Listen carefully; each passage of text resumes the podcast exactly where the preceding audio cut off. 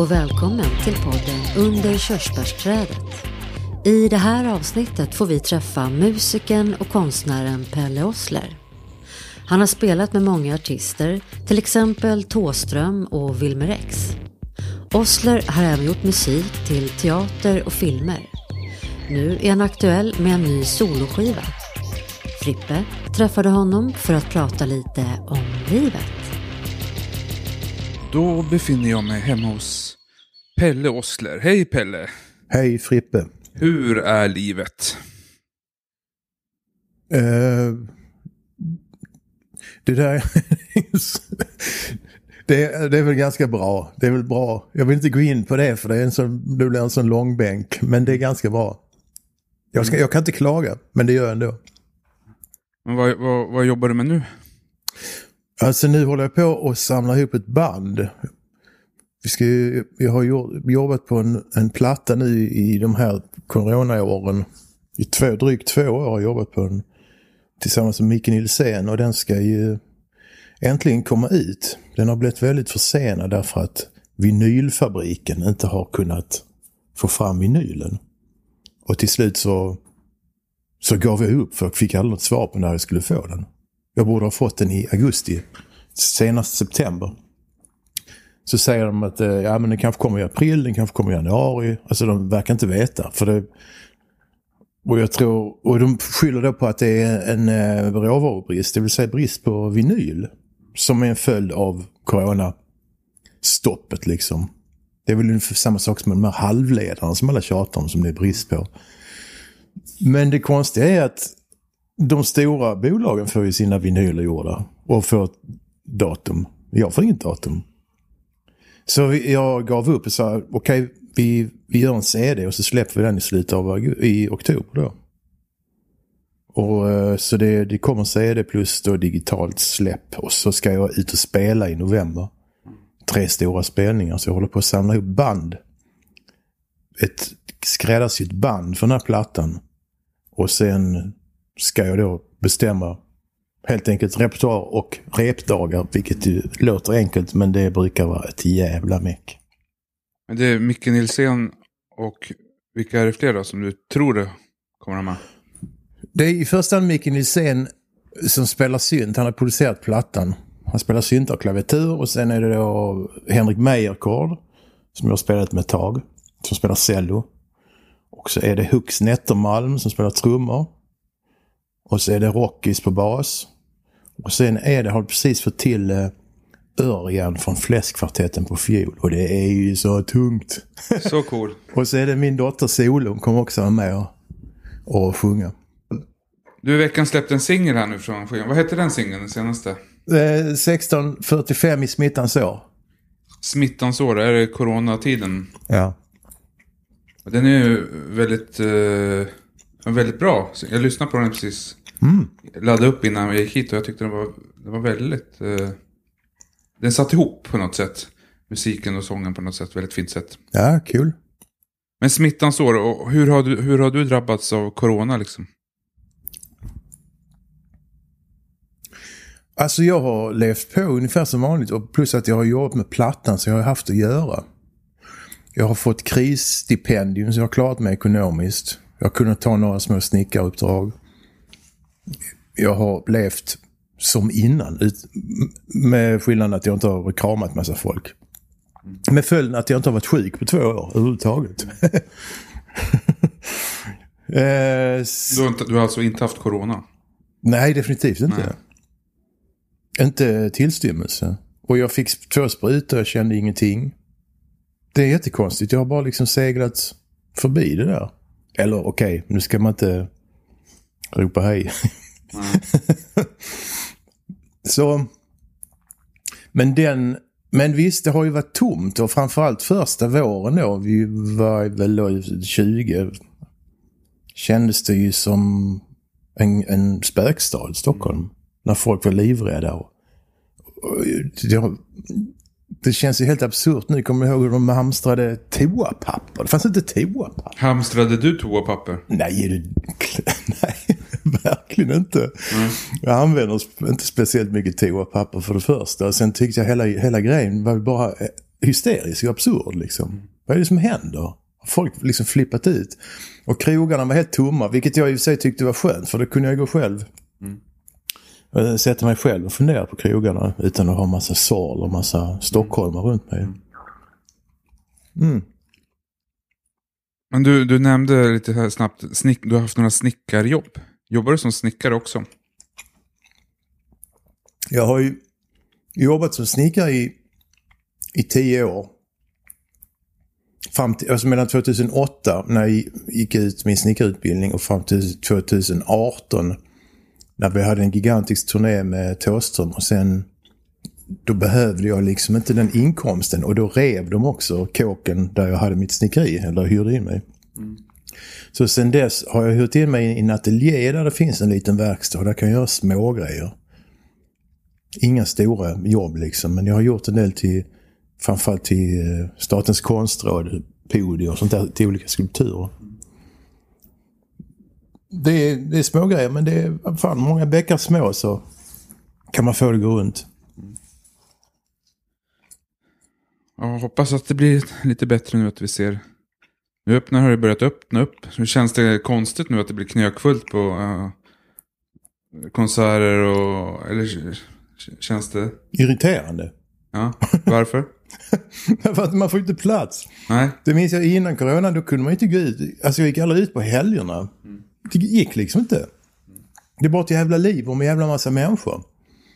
Men under corona så var det lugnt. Jag kunde gå ut typ när som helst. Alltså okej, okay, åtta stängde de ju. Men det var också ganska skönt för då hann man inte bli så berusad och otrevlig. Mm.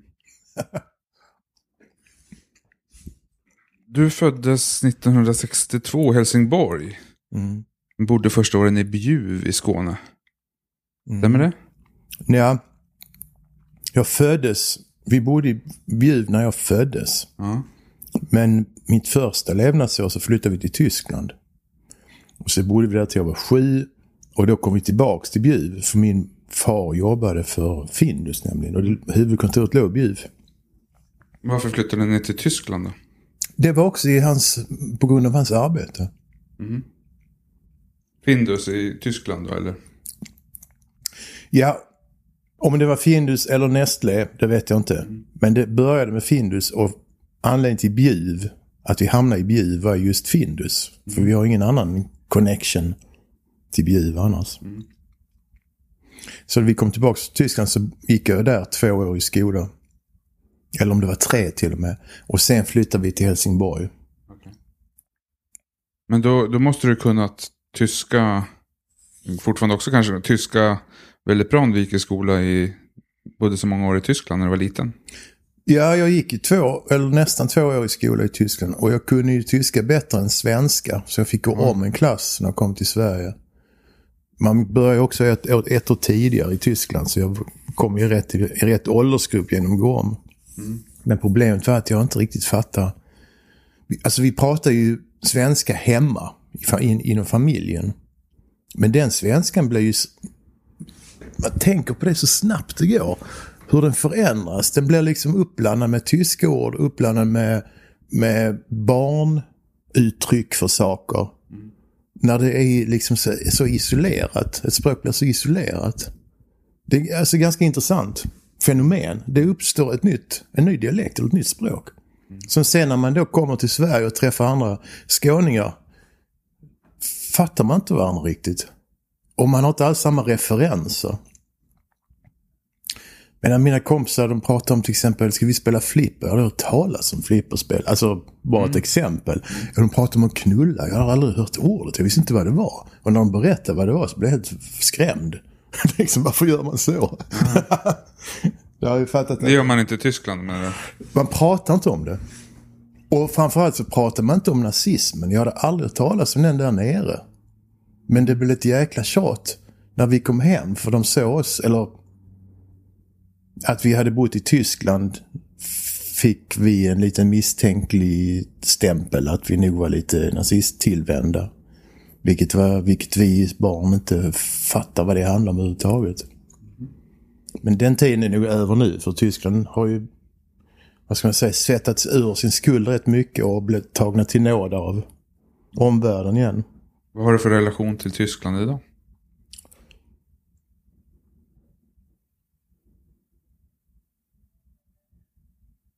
Egentligen inte så mycket. Jag åker till Berlin eh, när jag kan. Och vill, men... Eh, inte, så, eh, inte så mycket. Det tycker jag inte. Men du, du pratar flytande tyska? Nej. Nej. Nej, därför att jag slarvar bort det. Jag eh, tog aldrig vara på det där. Min bror har alltid, min storbror har alltid pratat flytande tyska. Jag har också bott nere i Tyskland i perioder. Men jag slarvade bort det. Jag brydde mig inte om det. Jag tyckte inte det var viktigt. Och när vi hade tyska, jag hade ju tyska i skolan. Och det, det var så enkelt för mig så jag brydde mig inte om liksom lära mig grammatiken för det bara kom naturligt. Och till slut så bara...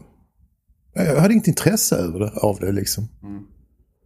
Men jag har, jag har funderat ända sedan, alltså många år att fan jag borde ju bara läsa, börja läsa det igen för det skulle komma direkt. För jag har det i ryggmärgen. Jag förstår det ganska bra. Vad tyckte du var roligast i skolan då, annars? Eh, teckningen. Var du duktig att teckna? Ja, det var jag väl ansedd. Jag tyckte väl inte själv att jag var en stjärna men, men eh, det var, jag var mycket inne på serier. Jag läste mycket serier och tecknade serier. Det tyckte de andra var roligt. Och så så det, det, det liksom hette att jag var bra på att teckna men så jävla bra var jag nog inte. Men vad ville du bli då som grabb? Tecknare? Som, ja det, det där ändrar sig ju. Jo. Ett tag ville jag bli skådis. Eh, ett tag ville jag bli privatdetektiv. Okej. Och så ville jag bli skådis och sen ville jag bli eh, konstnär. Och, eller illustratör. Mm. Eller syssla med bild på något vis. Men eh, det blev aldrig så. Men du är väl konstnär idag? Mark? Ja, ja, men det blir aldrig någon utbildning. Okej. Mm. Det är bara jag självlärd. Eller det jag nu kan. Men dina föräldrar, vad jobbade de med? Var de kulturella? Mer än, pappa jobbade på Findus sa du, men jag tänkte annars... När de inte fanns det kultur i hemmet? Ja, det kan man väl säga. Den där tavlan är målad av min farbror. Oj. Och han var ju en konstnär som var ganska hipp på Vad 60-talet. hette din farbror då? Eh, Bengt Osler. Bengt Osler, okej. Ja. Så han ställde ut på Moderna Museet tidigt. Mm. Ehm, och han var ju liksom min, jag vet inte, min far beundrar honom väldigt mycket för jag tror att min far var en konstnär i sig själv men han fick inte det, den supporten från föräldrarna, från sina föräldrar. För de la alltid krutet på, på Bengt, hans storbror. Det var han som skulle bli konstnär och min far skulle göra någonting mer tekniskt eller han kom från en, en rätt högborgerlig situation tror jag. Men konsten har ju alltid setts som det högsta Mm. in hos oss. Liksom, det, är, det är större än sport har varit intressant. Politik är inte speciellt intressant. Men konsten där uppe har liksom flutit över allt det andra. Utan att jag för den skull har varit speciellt kunnig om konst. Men det är liksom det... Det sitter i ändå. Ja, Hemma, läste du mycket böcker som barn och så eller? Eh, inte mycket. Nej. Jag läste mest serier. Ja, du ritar ju serier också, så det var kanske det som var närmast då. Ja, jag var väldigt fascinerad av serier. Favoritserie? Ja, det beror på åldern ju. Ja, okej, när du var, gick i femman då. Ja, men det var nu Kalle Anka och sen kom ju Tintin och Asterix och eh, eh, Lucky Luke. Men dina serier, du ritar inte serier fortfarande, tecknar du serier fortfarande? Nej, det gör jag inte. Men du har kvar lite serier kanske någonstans? Nej, ja, det har jag väl kanske nere i källaren någonstans. Jag tyckte inte att mina var så roliga. Det var roliga teckningar men det var liksom inga, jag hade inga punchlines. Det funkar inte riktigt. Jag kunde inte göra strippa. Och sen när jag blev lite äldre så kom ju de här som väl kallas vuxenserier. Du vet Epix och Galago. Eh, svenska serier. Det kommer en uppsjö med sådana underground. Eh, The Furry Freak Brothers. Jag bara älskar det. Men då var jag ju i 20-årsåldern. Du hakar inte på den trenden själv? Nej, inte att jag började teckna sådär, nej. Men jag ju plöjt igenom de där. Fullständigt, jag älskar det. Det liksom var någon, jag var ju punka, liksom blev punka i slutet av mina tonår. Och det där, de serierna, de var, det var, man andade samma luft liksom. Det var en parallellkultur som, som, som jag bara älskar. Fri på något vis. Hur hittade du punken? Genom min storebror. Mm. Han gav mig uh, Nevermind the Bollocks, Pistols platta, när den kom ut. 77 eller något sånt? Eller? 77. Ja. På min 15-årsdag. Och sen var jag bara såld. Sen var jag bara såld. Alltså 15-årsdag sa du? Mm. Då gick man alltså typ nian eller så? Jag gick väl i nian då ja. Uh, det måste jag ha gjort. Och hur påverkade det den skivan ditt liv så att säga? Ja, jag vet inte, den påverkar mig väl kanske inte alltigenom positivt. För det blev en religion liksom. Jag behövde inte, jag behövde inte bry mig, jag brydde mig, slutade bry mig om skola och framtid.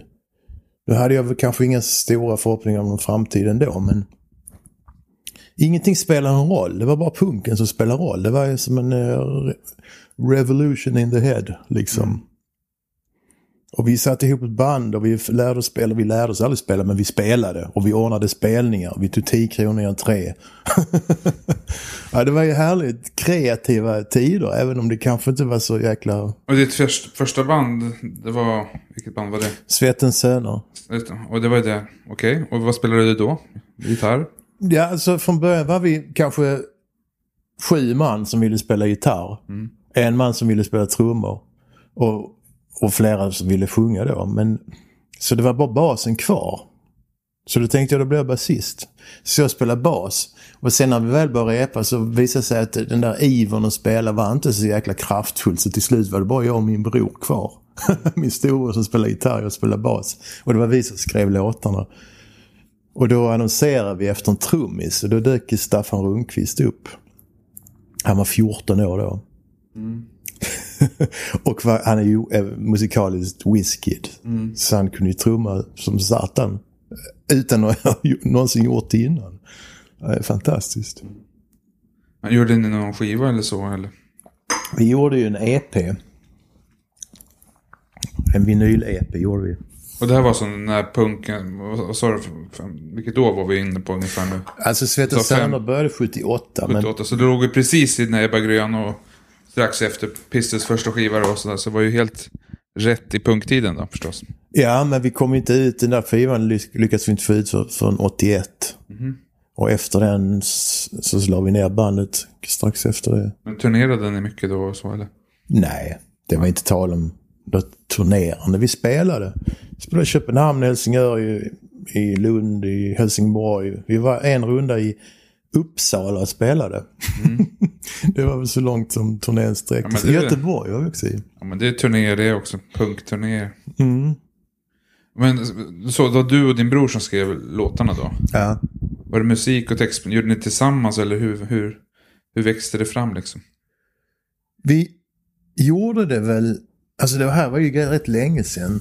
Men vi måste ha gjort det tillsammans han, min bror var ju liksom intellektuellt skarpare än jag. Så han kunde ta mina texter och liksom fräscha upp dem lite. Mm. Nej, vi gjorde det tillsammans. Alltså vi jobbade var för sig men vi hjälpte varandra med, med, med grejerna liksom. Alltså om han gjorde någonting, spelade för mig så sa jag, ja men jag tycker det ska vara så här. Och vice versa, om jag hade en låt så sa han, jag tycker det ska vara så här. Ja, du vet, klassiskt. Mm. Uh, Lennon McCartney låtskrivande. och, och sen när, när ni lade ner det bandet, vad hände? Gick du på gymnasiet någonting då? Gick du gymnasiet? Det var parallellt kanske då med. Gick du på gymnasiet? Jag gick på, uh, jag gick yrkesutbildning, yrkesskola, gymnasiet. Som var så, som hette tryckmedia, det var alltså en grafisk utbildning. Mm. Uh, ut, man utbildar sig till typograf. Mm. Helt enkelt. Mm.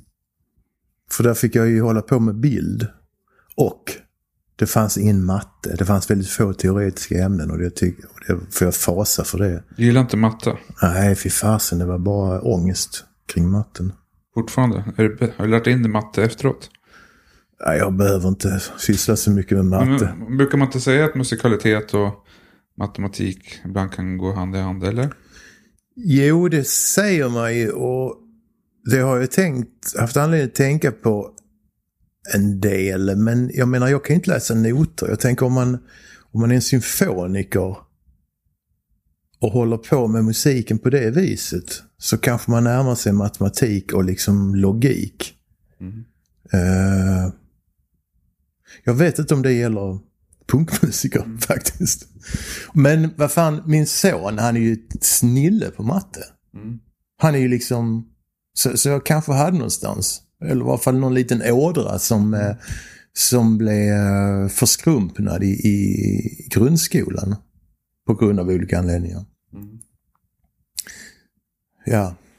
Men vad gjorde du sen då efter gymnasiet? Vad tog du vägen sen? Då, jag gick ju den grafiska utbildningen. Och, och spelade vid sidan om. Det var mitt stora intresse. Och min far, han hade då sagt upp sig och startat en egen, ett eget företag. En, en fiskfabrik helt enkelt. I liten skala. Och där var ju utrymmen så där kunde vi ju repa. Där repade vi med bandet. Och helger, långhelger så jobbade vi där och fick in lite extra pengar, jag och mina syskon. Så efter den grafiska utbildningen, då minns jag att det ringde ju folk. Det ringde någon till Allers till mig och frågade om jag ville ha min praktik där och ville jobba där. Och jag bara sa nej, jag ska jobba på fiskfabriken. det var bara så självklart för mig. Så eh, då jobbade jag i fiskfabriken i fyra år. Och spela eh, vid sidan om. Eh, först, ja i olika band. Och det, 84 så kom jag med i ett band som hette Slobster som var ett garageband. Det var då när Nomads slog igenom. Mm. Och jag, jag, tyckte det var något av det bästa jag hade hört sen Sex Pistols typ. Det var så satans jävla eh, hårt. Så då började vi spela garage musik. Och då hamnade vi på lite olika festivaler där, där Wilmer också spelar. För de var också lite inne... Wilmer X då? Ja, de var också lite nära den, den vågen liksom. Och då hoppade deras gitarrist av och så frågade de mig om jag ville spela med dem. Och det hade jag inget emot för de var ju stora. Mm. Så jag hoppade in där. I Wilmer X och, och spelade gitarr med dem alltså då förstås? Ja. Och hur var det att vara med i ett sånt band då, som, ja, som turnerade? Ni turnerade i alla fall runt i Sverige kan jag tänka mig. Ja, jo precis. Då, då slutade ju fiskfabriken. Och ja. Så upp det från fisken? Sa upp mig från fisken. Och uh, spelade med dem i 17 år. Det var ju de första åren där. Alltså 86 kom jag med, man kan säga de första två, tre åren, det var rena skolan för mig hur man fungerar som en turnerande musiker och hur, ja. Det var eh, knepigt för jag var, jag var lite vilsen men det var också jävligt roligt. Det blev liksom mycket, det blev väl hel, jobba med heltid som musiker där nästan där och turnerande och studio. Det blev väl en, en hel värld som öppnade sig kan jag tänka mig. Ja det var det. Det var ju det. Och sen hade jag mina egna projekt vid sidan om. Amazonas till exempel.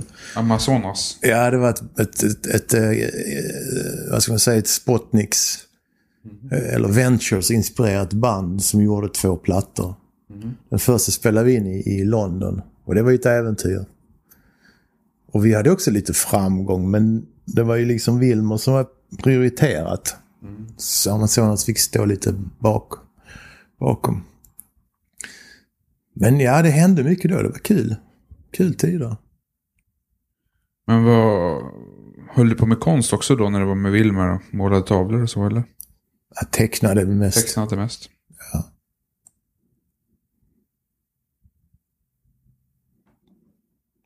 Men eh, efter, hur, du, sa att ni spelade med Wilmer i 17 år sa du? Ja. Och då är vi framme på slutet på 90-talet eller? Då är vi framme 2003. 2003, okej. Men när, eh, du har jobbat mycket med Thåström sista åren så här, och när träffade du Thåström? Och hur blev ni kontakta vänner? Det var när han bodde i Malmö. I slutet av 90-talet. Han höll på, eller skulle väl börja med den här, det är liksom den konstiga plattan. Han hade väl, nej det var väl från början var det väl så för min del att jag var så pisslaven Pitbulls.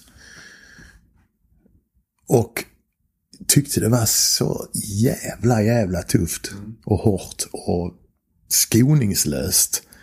Och jag var aldrig någon stor Imperiet-fan för jag tyckte det var mest liksom eh, chauser och, och stor, storvulet liksom. Så jag var aldrig en riktigt fan av det även om de, de gjorde några enormt bra låtar som jag gillar. Mm. Så det var någonting med stilen kring det som jag hade svårt för. Och tidigare dess hade jag ju varit en stor Ebba-fan. Och, och sett, jag såg dem på Oasen bland annat. Okej. Någon gång i början av 80-talet. så 80, 81 någonstans. Kanske. Men... Så Peace, Love and Pitbulls, det var ju Thåströms band efter Imperiet, eller var efter? Ja, det var ju efter, Efter solo, första soloskivan också tror jag det var. efter de första två soloskivorna. Det var då han flyttade till Amsterdam och jobbade ihop med Niklas Hellberg då. Ja. Och gjorde de här plattorna. Men första gången jag såg det så blev jag så jävla tagen. För jag tyckte att fan nu är det, det här är Ebba fast nu. Liksom, så kändes det. På engelska var väl...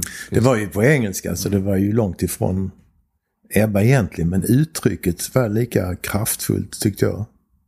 Och då eh, stötte jag på honom på hotellet. Eller jag gick ju dit. Herregud. Ja. Efter den spelningen och bara sa att det här var fan i mig. Det, här, det är det här som är liksom vår tids rock'n'roll. Det är inte Wilmer, det är inte det liksom gamla tolvtakts jamset. Det är sådana här utbrott. Så det var väl kanske då vi på något vis, jag vet inte om han minns detta överhuvudtaget. Det gör han förmodligen inte, men eh, jag blev väldigt intresserad av, av de där Peace, Love and Pitbulls. Och eftersom ingen annan var det, det gick inte bra för dem, det gick väl sämre och sämre. Ja. Så kanske det var en anledning till att han att vi kunde liksom mötas sen när han bodde i Malmö och diskutera musik helt enkelt. Prata musik och börja, börja liksom experimentera med inspelningar. Han och jag och Ni- Niklas Hell då. Saker som skulle komma ut långt senare i andra sammanhang men ändå. Jag tänker det, när du klev in och började jobba med Thåström. Mm. Då var det ju ganska långt från Peace, Love and Pitbulls soundet. Mm. Hur kommer det sig att... Att det, att det blev så? Hur, varför, varför körde ni inte på Peace, Love and Pitbulls-stuket då? Eller? Alltså jag, de var väl... Den sista Peace and Pitbulls har väl knappt hört men där går de väl ner lite i tempo. Jag tror att han var, eller både han och Niklas var, Niklas hade ju fått tinnitus på kuppen så han kunde knappt jobba. Att de var väldigt trötta på det här vräkiga och nu, nu var det dags för någonting liksom. Nu var det dags för någonting motsatsen. Och jag var ju väldigt tagen av, av den här uh, Einstürzen Neubautens Silence is sexy. Där de gjorde den grejen också. De, hade, de har väl kört med liksom trycklysborrare och skärbrännare. Eller, eller vinkelslipare och sen hips hips så gör de den som alldeles tyst. Och den var så jäkla spännande. Så den var ju lika intensiv som de här våldsamma plattorna tyckte jag. Jag tyckte det var mer intensiv. Man bara satt ju på helspänn och lyssnade på den. När ska det explodera liksom? Och man hör knastret av en cigarett.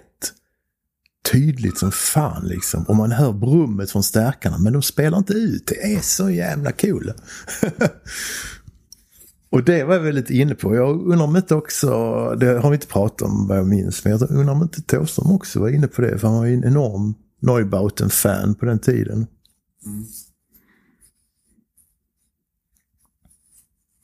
Men vilken var den första skivan som du var med på med Thåström då? Det var den som kom efter Det är de som är konstiga. Alltså den eh, som heter eh, Mannen som blev en gris. Och den, men den är ju ganska hög energi på om man säger. Ja, det är den. Det är den. Den är, den är någonstans mitt i... Den är... Den är liksom inte riktigt samlad vad den vill. Vilket jag tyckte var ganska häftigt. Men där är ju en låt på den, en lång låt som heter Kaospassageraren. Och det är ju... En långsam låt. Mm. Det som jag spelar på. Och det är ett resultat av de där experimentinspelningarna som vi gjorde. Och sen kanske ett steg in i Skebo-Kvarnsvägen.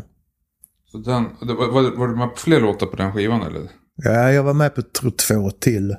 Men, men det är den som är den liksom centrala för mig. Kaospassageraren. Mm. Och den är liksom ingång till vet du, Sjöbo-Kvarnsvägen som var mycket långsammare som kom, kom sen alltså. Ja, som var mycket ödsligare och... Mm. Mm. Eh, och sen så har det rullat på ganska hårt med Thåström. Ja, Alltså, mycket. ja. Har ni något samarbete på gång nu? Nej, nu är det över. Nu är det över. Nu är det slut? Nej. Nu är det slut, så det blev... Vad ska man säga? En tredjedel av mitt arbetsföra liv fick Wilmer. och En tredjedel fick Thåström. Och nu har jag en tredjedel kvar om jag överlever. Då tänkte jag att jag skulle göra någonting själv. På allvar. Jag tänker, men du har även du och du sa Hell, ni hade det här det, projektet Sällskapet. Sällskapet ja. Det Ja, var du och Hell, och Thåström var med också och sjöng.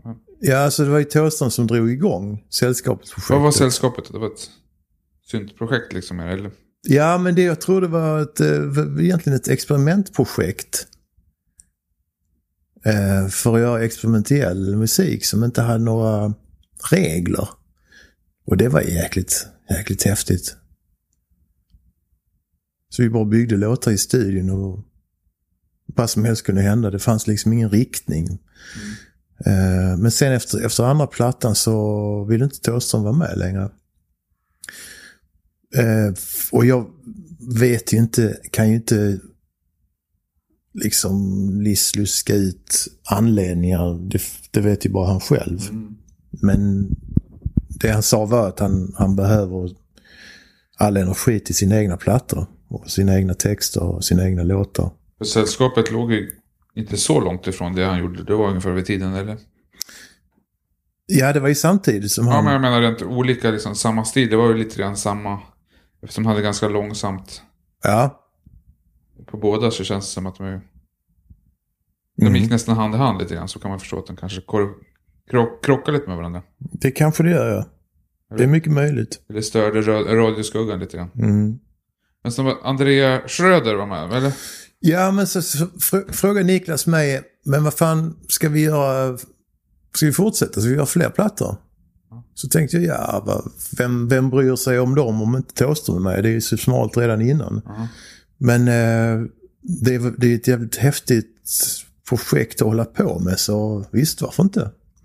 Och då behövde vi en, en sångare, för problemet var att när jag sjöng där i sällskapet, vilket jag ibland försökte, så lät det bara som en av mina skivor. Och det var ju meningslöst. Det var inte idén liksom. Och så hittade vi då Andrea Schröder som jag hade haft lite kontakt med och spelade på hennes platta. Mm. Ehm, och då gjorde vi ett byte. Om jag spelar på din platta så kan väl du sjunga på vår sällskapet-platta. Så blev det.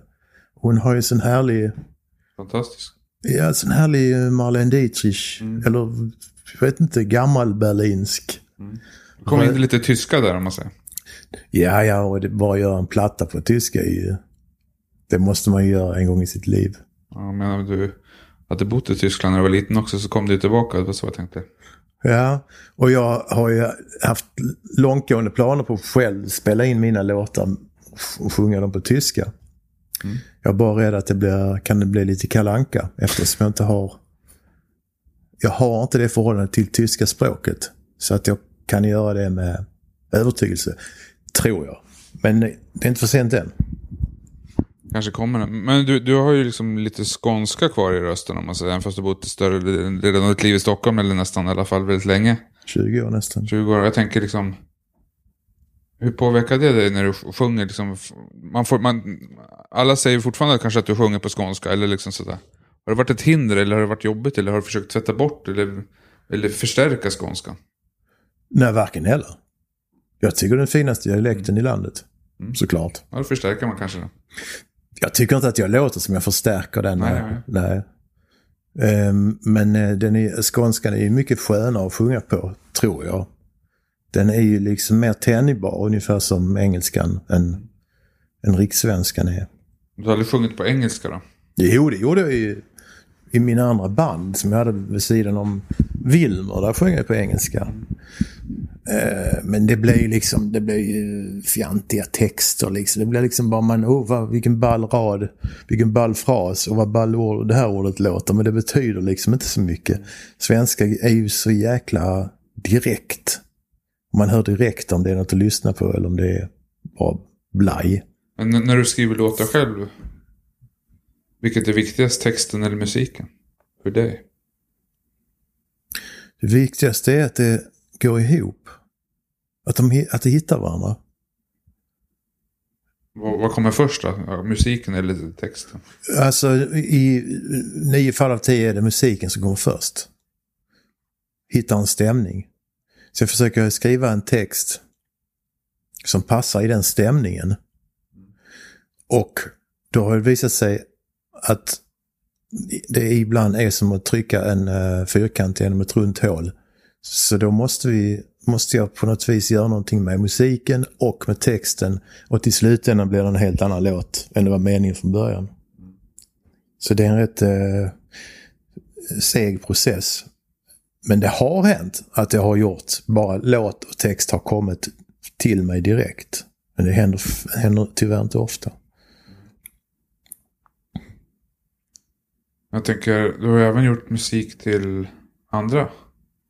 Dels teater och film. Då behöver du inte ha någon text med, om man säger. Nej, skönt. Skönt. Har du tonsatt andras texter? Nej, det har ni aldrig gjort. Det har ni aldrig gjort. Jag gjorde, det var någon, någon för länge, länge sedan i Malmö så var det något projekt som där, där olika musiker skulle tonsätta dikter från olika diktare. Där de skulle läsa in dikten och så skulle man göra musiken. Och där gjorde jag musiken till en dikt som Maria Küchen läste in. Eh, och jag tyckte den var jättefin men eh, jag fick aldrig någon respons från henne så jag tror inte hon gillade den. så därför är det inget som jag är så stolt över. Men men, så, vi- du, dels vet jag att du har gjort musiken till den här filmen Speglingar. Ja. Så det var en film, eller det är en film om... Kan du berätta om den filmen? ja, det är ju Sara Bros film om sitt och hennes mammas förhållande i grunden. Men den är ju väldigt eh, poetisk och har väldigt många lager. Och liksom är, blir allmänmänsklig. Det är en väldigt fin film. Alltså. Ja, en jättefilm. Och just att din musik där, det liksom förstärker upp någon slags stämning där som gör att den blir liksom... Ja, de, de här små, inte, det, är- det är inget hård... Hårdtryck på musiken, det är bara några små toner här och där. Och det är liksom, och lite musik, mer musik. Det är en väldigt fint Det är det. färglagd film med, med musiken kan man säga. Absolut, men det måste jag faktiskt ge Sara cred för. För jag skickar musik till henne och kollar, vill du ha, använda detta, kan detta funka? Och hon använder den, eh, lägger in den i scener och, och målar med, med mina låtar liksom. Så om det funkar till filmen så är det hennes förtjänst. Det måste jag säga. Men har du gjort musik till fler filmer? Alltså jag gjorde till hennes första, den som heter För dig naken. Alltså... Sara Bros första film. okej. Ja, just det. Och nu håller hon på med en film, eller har hållit på ett tag. Och där skickar jag henne också musik. Jag tror, jag, den har bara ett arbetsnamn, men jag ska inte jag ska inte prata mer om det för jag vet inte vad den kommer att heta i slutändan. Så det är henne jag har jobbat med. Inga andra filmprojekt? Nej, nej, Ingen reklamfilm ändå? nej. Jag får aldrig frågan. Jag menar, vem fan vill ha en deppig Oslo-låt till en Kan du inte reklam? göra glada låtar då? Glada melodier. Ehm, ja, jo, det kan jag kanske göra. Jag vet inte om jag vill. Men Varifrån tror du kommer att det ska vara deppigt som du säger? Nej, alltså jag tycker inte det är deppigt, men det anses vara deppigt. Jag tror att en reklamare skulle tycka att det var på tok för deppigt. Jag tycker inte det är deppigt. Och det är ett jäkla tjat om att det är mörkt också. Jag tycker inte heller det är, det är mörkt. Det är bara... Vad ska man säga? Det, det är bara musik. liksom. Som ofta är långsam och, och kanske ofta går i moll. Och kanske är texterna tunga för många. Men det beror helt på vilken, vilken, vilket perspektiv man tittar från. Liksom. Det är samma med det här, jag ofta blivit anklagad för att vara pretentiös. Och det kanske jag är, jag vet inte. Men det beror ju också på vem... Jag menar en, en, eh, en konstskolelärare eh, skulle ju bara se det som popmusik kanske. Medan en popmusiker tycker det är pretentiöst. Det beror helt på vilket läge man tittar från. Och jag kan inte, jag kan inte liksom bry mig om det. Det gör jag, annars har jag inte pratat om det nu. Men jag, jag vill inte bry mig om det, utan jag gör det jag gör. Och det är musik. Men du gör ju konst också. Ja, det gör jag. Kan du berätta om din konst? Jag ville ju så gärna bli konstnär. Men jag tyckte inte att jag hade, hade det, liksom. Och det har jag kanske inte heller. Men sen har jag märkt med min musik när jag börjar göra egna plattor att jag försöker liksom göra låt, musik som, som blir som bilder eller filmer i huvudet på mig själv och kanske då på någon annan. Och då har jag tänkt att, men vad fan, då kan väl, varför, varför gå eh, över ån efter vatten? Då är det väl lika bra att göra bilderna. Kom jag på för, för ett antal år sedan. Och så började jag fotografera. Och sen eh, för några år sedan så när jag tröttnade på fotograferandet så började jag måla istället. Och då fick jag ju höra att ja, de här bilderna ser ut som din musik. Så tänkte jag, ja det är inte konstigt. För det är ju de bilderna jag försöker måla med musik. Men då är det ju faktiskt så att jag har hållit på med musik i 40 år eller någonting. Och jag har inte alls varit så aktiv med, så jag, så jag kan det hantverket lite bättre tror jag. Men jag ska fortsätta parallellt måla och plåta. Vilket är roligast? Musik eller konst? Det är samma sak. Okej. Det är samma sak. Det roliga med musik är att man blandar in andra människor. Så det blir en social grej. Man är inte så jäkla ensam alltid. Man är när man är just i skrivandeprocessen, den är precis som att måla. På gott och ont. Men eh, sen när man repar ihop det, det är ju det som är det tre- trevliga. Alltså, nu gillar jag inte att repa, men jag gillar det sociala. Varför gillar du inte att repa då? För att jag är en latmask. Men vilket är roligast, repa in egna låtar eller repa med andras band då? Eller med andras låtar? Jag, det är ju lättare med andras låtar för då, då, då hänger inte så mycket ansvar på mig att det ska låta bra. Där känner jag mig fria också. Jag kan väva kring, kring den här artistens låt.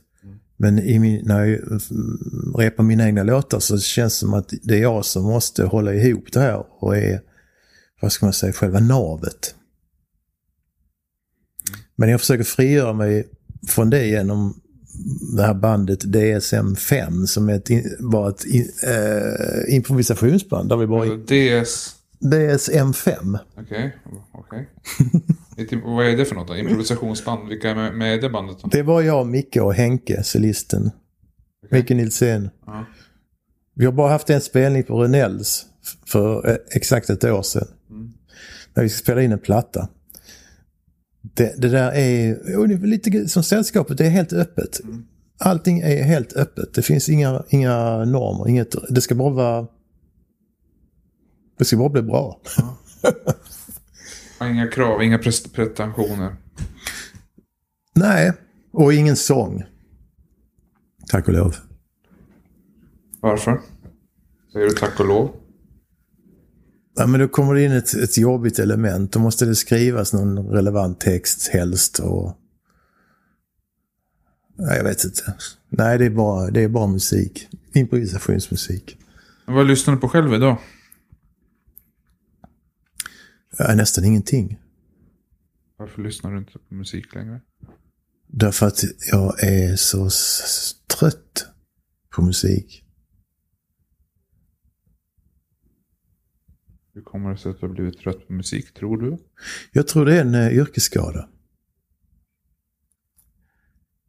Jag tror det är en yrkesskada. Alltså, jag älskade musik, det var därför jag började spela. Eh, då hörde man helheten. Och, men nu när jag lyssnar på musik så hör jag liksom... Då lyssnar jag med ett annat öra. Jag studerar mer. Koncentrerar mig på... Jag kan separera instrumenten. Jag lyssnar på texten och börjar liksom analysera den. Det blir bara ett jobb på något vis. Jag tänker att de borde ha gjort si eller så bättre eller sånt. Större på småfel eller så. Alltså, oftast är det ju undermåligt det man hör. Eller man har hört det innan fast bättre och så vidare. Ibland kommer det ju saker som bara slår en, som knockar en för att de är så jäkla bra. Och då, då får man ju bara dåligt självförtroende för att det är så jävla bra liksom. Som till exempel Nick Caves senaste grejer eller PJ Harveys grejer. Det, det där kan vara så bra så man blir helt livrädd liksom. Hur fan ska jag kunna... Inte för att jag ska ha i någon tävling med dem, men det, det är på en annan planet liksom, tycker jag. Men nya skivan då som kommer här, hur, vad kan du berätta om den? Hur har den vuxit fram? Den heter? Den heter Regn av glas. Ja, och varifrån kom titeln? Eh, titeln kommer från, måste ha varit ett radioprogram som jag hörde. Eller så är det något jag sett på, på något vetenskapsprogram på tv. Jag kommer inte ihåg, men det var någon som berättade om att när den här stora eh, asteroiden slog ner, den som dödade alla dinosaurier. Mm. Den slog ner där i, Mexiko. i Mexiko. Mm. Eh, jag kommer inte ihåg vad det Chic, Jag kommer inte ihåg namnet på, på det stället. Mm. Och den kom med en sån fruktansvärd fart och den var flera, flera, flera kilometer i diameter den här i stenen liksom. Mm. Och den hade liksom, alltså det var en, en makalös hastighet den slog ner. Så när den slog ner i, i marken, i berget, så smälte, smälte berget av den enorma impacten. Och kastades tillbaks upp i stratosfären. Mm. Smält sten. Som ju så småningom kyldes av och då singlade det ner som glas, Aha. glasdroppar. Och bara den bilden tänkte jag, usch. Det där är mäktigt. Och sen, sen dog alla dinosaurier. Och så tog de parallellt till vårt sätt att leva som ju kommer också sluta i ett regnglas. Inte för att det kommer en asteroid, men därför att vi fuckar upp det liksom. Mm. Men det var skivnamnet. Annars har du jobbat med skivan länge, eller hur? Mm, två år drygt. Mm. Och det är på svenska? Det är på skånska, ja. Svenska sa jag väl? ja, skånska sa jag. Ah, Okej, okay. ja, Men uh, finns det någon sån röd linje eller tema eller är alla låtar egna berättelser så att säga?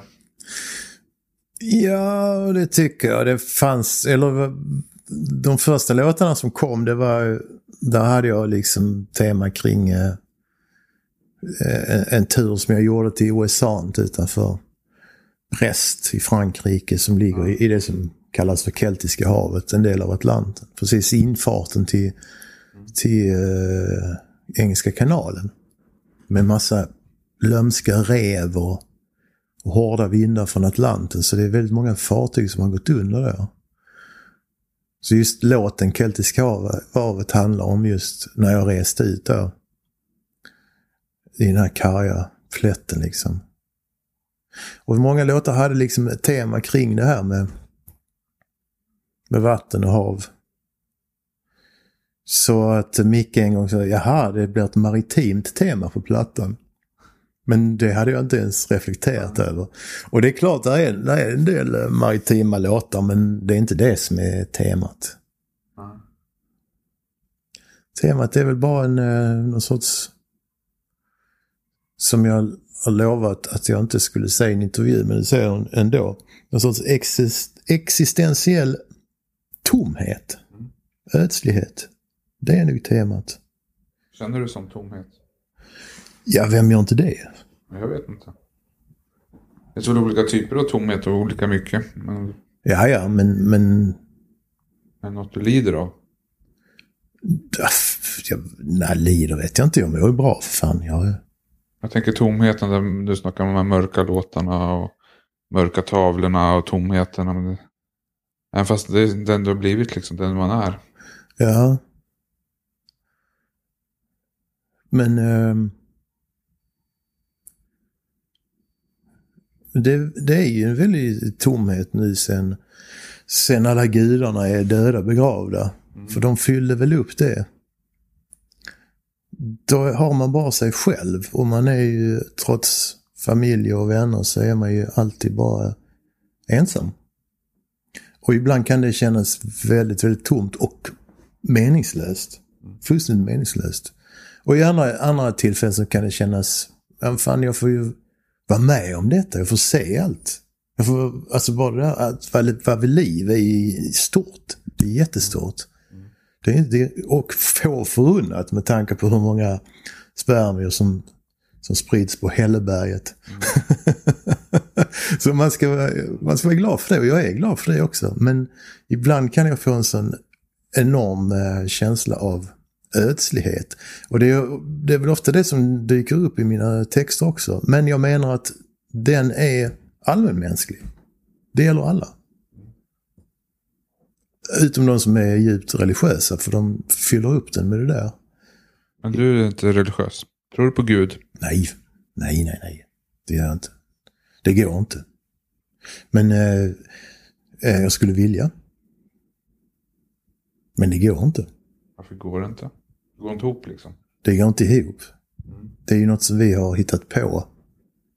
Så det blir liksom bara, man försöker lura sig själv på något vis. Mm. Men, men de som tror, det är bara att gratulera. Det är kanon. Så jag, inget, ingen skugga över dem. ingen svartsjuka heller då? Vadå svartsjuka? Att de har hittat, att de har en tro och du har ingen tro. Nej, nej, nej, nej. nej. Eh, men eh, framöver här, utöver när skivan är släppt och så, vad händer härnäst? Ja, det är de här spelningarna som jag håller på att mm. försöka få till stånd nu. Mm. Debaser 11 november. Eh, Babel i Malmö 18 november, min födelsedag. Mm, grattis i förskott. Tackar. Och så Puster, Pustervik i Göteborg den 19 november. Ja. Så det är de. Och sen fortsätter vi väl i en mindre sättning är det tänkt till våren. Så bokaren håller på att försöka sätta lite spelningar. Um, men de här tre ska bli stora med ett stort band. Vill du göra mer skivor sen efteråt, tror du? Eller är det så att man känner att det här var den sista skivan, liksom, tänker jag nu orkar jag inte mer, eller är det så? Jaha, så är det. Och det har så jag tänkt efter varje skiva jag gjort. Det här är fan med den sista. Och jag tänkte definitivt med den här för det blir en dubbel-LP så det är mycket mer material. Mm. Och i vissa perioder har det varit kämpigt. Mm. Eller jag har haft det man, du vet, man tvivlar. Mm. Är det här verkligen någonting jag och lägga ner så mycket energi på? Eh, men nu är jag mycket nöjd och mycket stolt över den. Så det är inte omöjligt att det blir fler skivor. Jag, vill, jag vill spela in en platta med Fire. Med Fire Orchestra. Det är eh, saxofonisten eh, Mats Gustafsson. Ja. Okej. Och eh, eh, basisten Johan eh, Bertling. Okej. Ja. Jag tänker jag får hela tiden Bering Breivik i huvudet och det är helt fel. Johan Bertling. Och så trummisen som jag tror, som jag känner. Som jag tror spelar med tonbruket också. Jag hörde en inspelning de hade gjort som var så jävla hård. Och jag skulle vilja göra någonting med dem. Och jag har frågat dem, de verkar intresserade av det. Sen gäller det bara att få till, få till det där. Och sen vill jag jobba mer med Micke, för vi har ju hittat ett samarbete som är... Micke Nilsén, ja. Nilsén, ja. Som är superbra. ja. Vad, vill ni, vad ska ni göra med Vad vill du göra med honom? Ja, först ska vi göra en DSM-5-platta. Precis, ja. Mm. Och sen hoppas jag att vi börjar så smått göra, bygga på en kommande platta kanske. Kommande Oslo-platta. Spännande. Men det har vi inte pratat om. Först får vi, bli, får vi liksom eh, skyffla undan det här. Du har även gjort teatermusik på Galeasen. Hur, hur är det att skriva för te- teater då?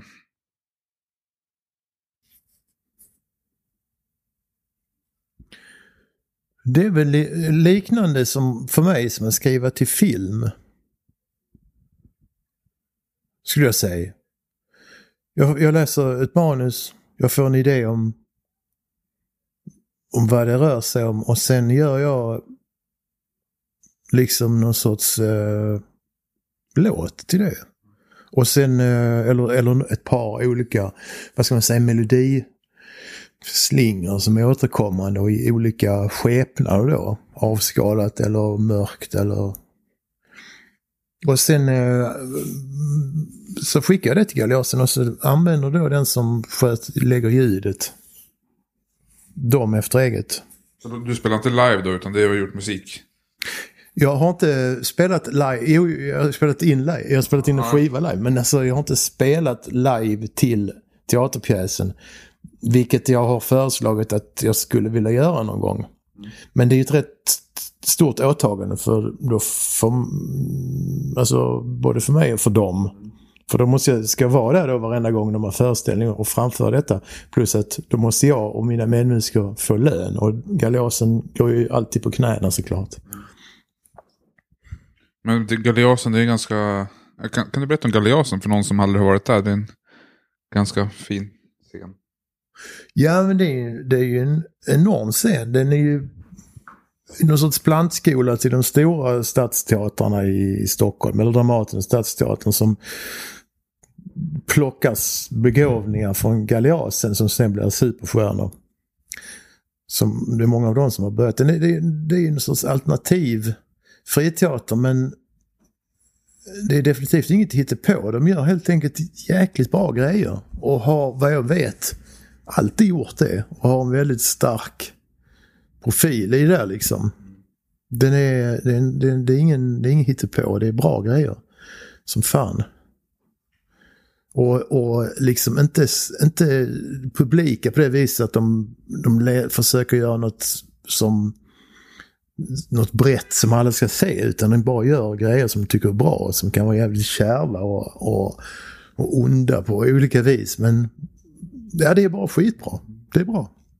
Och det är härliga lokaler. Men du spelade in din eh, förra skiva var det va? Mm. Spelade du in den på, live på Galeasen? Eller hur, hur gick det till?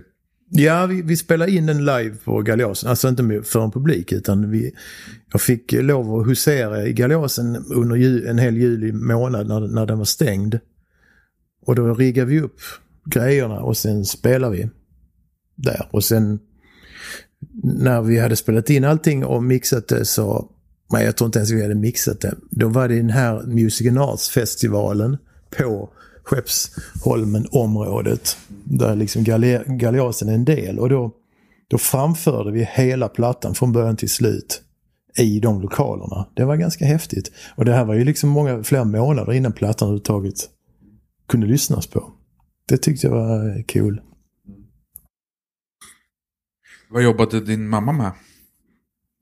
Hon har ett bageri. Hon har ett bageri? Mm. Vad gjorde hon när du var liten då? Nej, då var hon väl framförallt eh, hemmafru för far var mycket ute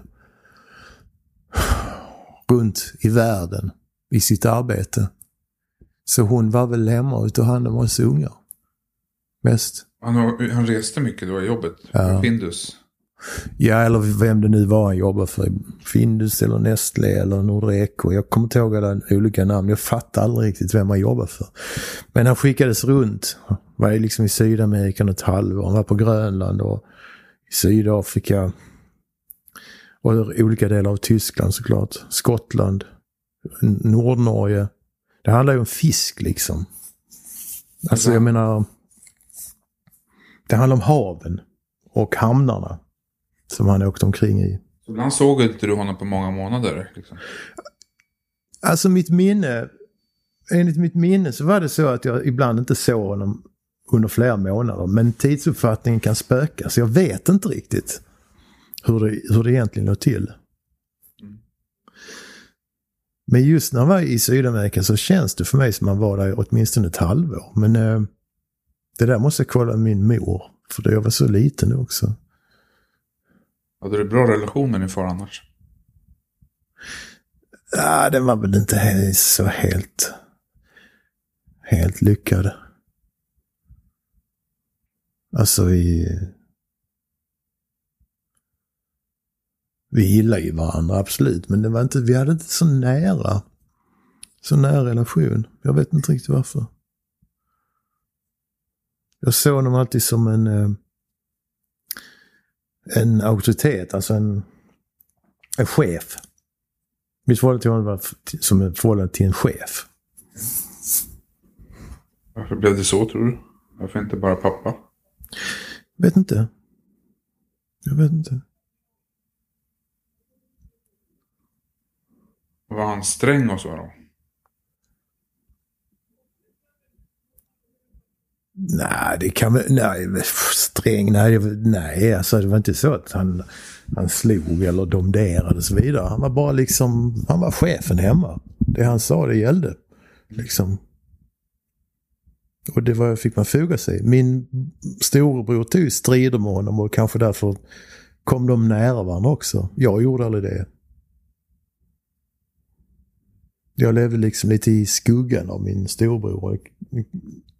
Av, eh, av helt enkelt skäl som att jag ville undvika konflikter och konstigheter. Så jag fogade mig i det mesta även om jag inte gillade det. Är du konflikträdd då? Våldsamt konflikträdd. Skulle jag vilja säga. På vilket sätt märks det? Att jag undviker, att jag om, om jag känner att det är på väg att bli en konflikt så, så går jag därifrån. Jag bara går därifrån. Det är inget eh, trevligt drag men eh, kanske jag genom min pågående analys ska komma till rätta med det. Du har en pågående analys eller? Jeps. Vad är det för analys? En psykoanalys. Ja, tycker jag förstå. Ja. Ligger på en soffa och en Psykiater. psy- psykiater. Har ni kommit fram till någonting hittills? Eh, nej, det, nej, inte kommit fram till någonting. Så av Men, analysen tänkte man kommit fram till något. ja, men jag tror att det, det blir... Det, det, det är någon sorts självanalys. Där eh, psykiatrikern leder en. Om man hamnar i loopar och tankar som bara går runt sig själv. Liksom, så leder han en vidare. Så det, det blir att man själv liksom på något vis tar reda på vem fan man är och varför. Eh, och det är inte helt bekvämt det där alltså. Det är verkligen inte. Men det måste göras. Eh, och nu när jag är så här gammal så är det väl fan dags liksom. Ta reda på vem, vem man egentligen är. Vad man egentligen skulle ha gjort med livet, eller? Nej, men hur man ska fortsätta sitt liv åtminstone. Det, det som är gjort är gjort. Det kommer inte ifrån. Vad gör du helst när du inte spelar musik eller håller på med konst? Vad får dig att må bra? Ja, då måste jag nog säga att ta en öl med goda vänner. det tror jag faktiskt är det som får mig att bra. Kanske vi ska gå och ta en öl nu då? Ja, det kanske skulle göra. Det var ingen dum idé. Men tack så mycket för att jag fick komma hem till dig och träffas lite grann. Och lycka till med alla projekten under hösten. Mm. Ta en öl. Hej då. Hej.